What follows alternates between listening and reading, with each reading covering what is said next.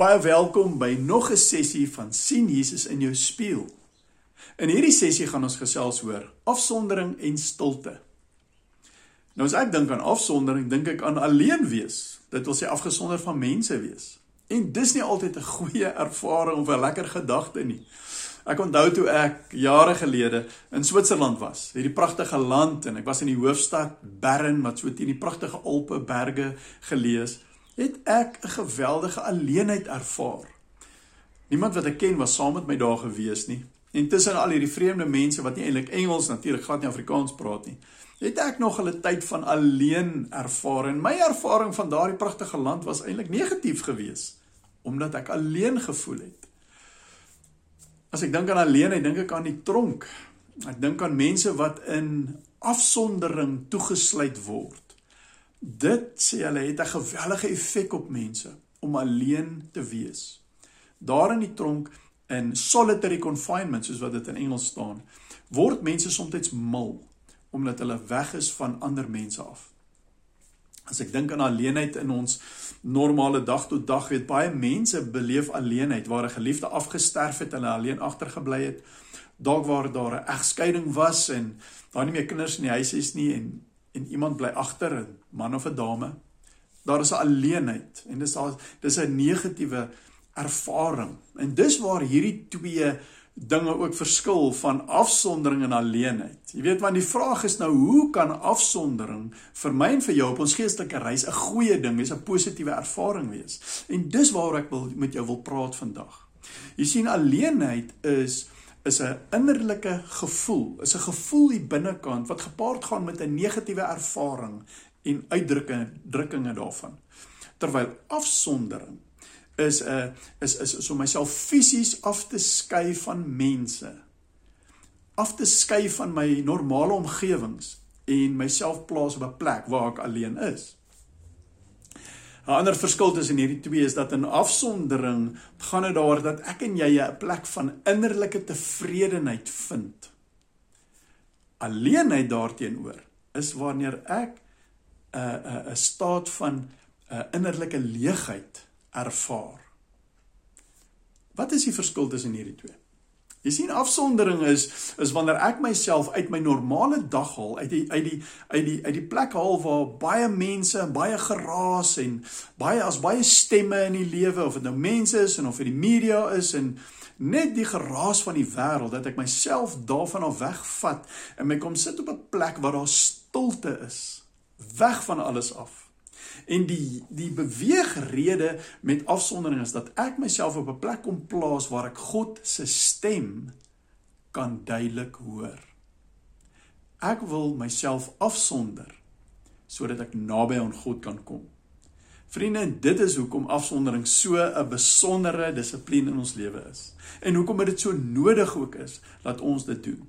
Jy sien, aan die een kant het ons 'n vrees om nie by mense te wees nie. Sommige mense het 'n vrees om wel by mense te wees en tussen mense te wees.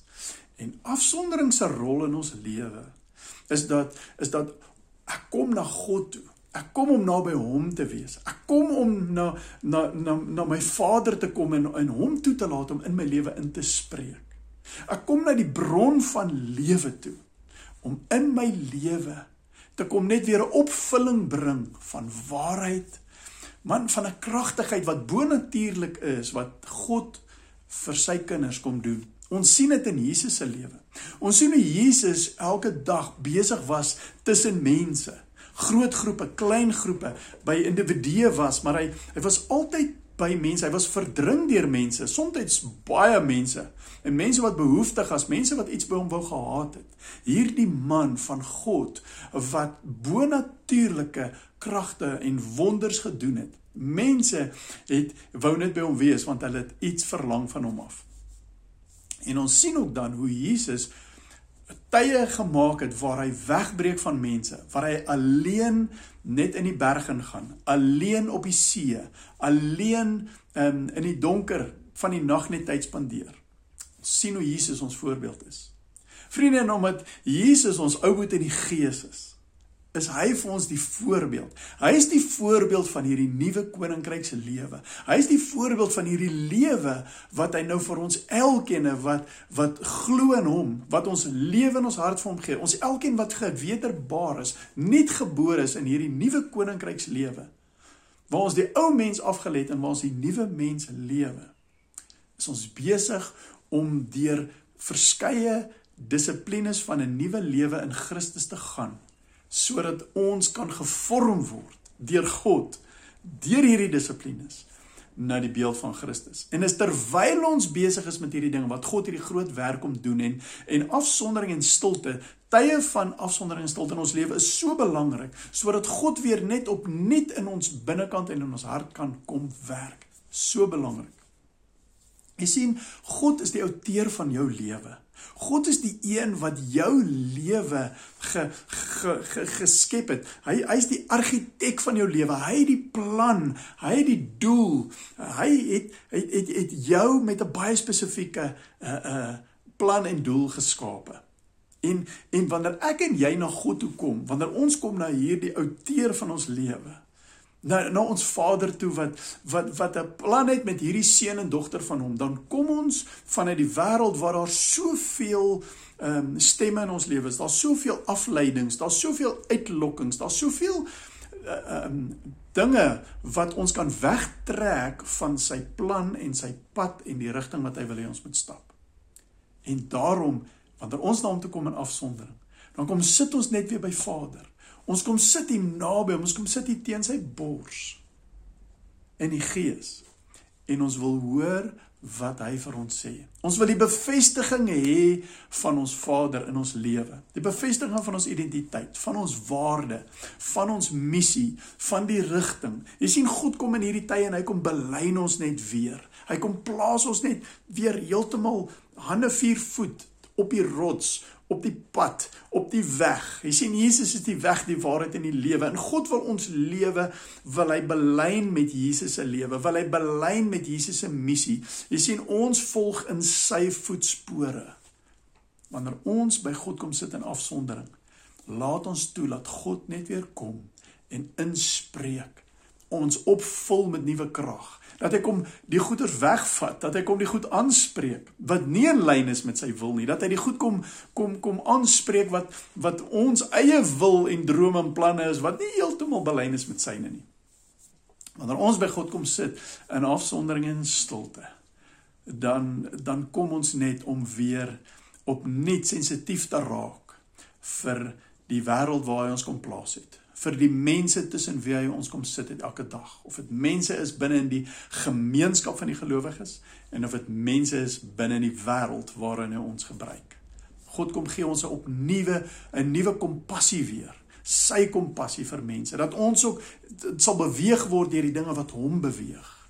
In afsondering en stilte kom spreek God hier binne in ons, kom belyn ons kom bevestig net weer vir ons. En hy kom gee vir ons 'n innerlike vrede. Jy sien dat so sodat wanneer ons weer by mense is, dat ons 'n nuwe sensitiwiteit en kompassie vir het. Wanneer ons by mense is, dat ons leef vanuit hierdie innerlike tevredenheid. Jy sien ek ek, ek, ek moenie 'n vrees hê om by mense te wees nie. Want dit kom vanuit hierdie plek uit waar waar God in my lewe inspreek en hy my terugstuur eintlik en ek moet by mense wees. Ek moet tussen mense wees. Op 'n of ander manier moet ek as 'n seun en dogter van God in mense se lewens betrokke raak en daar 'n verskil maak vir die koninkryk. So ons vrees nie om by mense te wees nie, want ek leef vanuit 'n plek waar ek vrede het, innerlike tevredenheid het, waar ek weet wat God deur my wil doen. Ek is nie onseker nie. Maar ek het ook nie 'n vrees om weg van mense te wees nie. Ek vrees nie om alleen te wees nie. Ek ek ek wil juis tye van afsondering in my lewe hê om by God te wees. Vriende, hierdie is 'n wonderlike dissipline wat ek jou so oral bemoedig in jou lewe dat jy sal moeite doen en en en dat jy dit sal skeduleer as deel van jou lewenswandel saam met Jesus. In die volgende sessie gaan wil ek meer met jou gesels oor hoe ek en jy kan tye en plekke in ons lewe skep van afsondering. Seën vir jou. Dankie.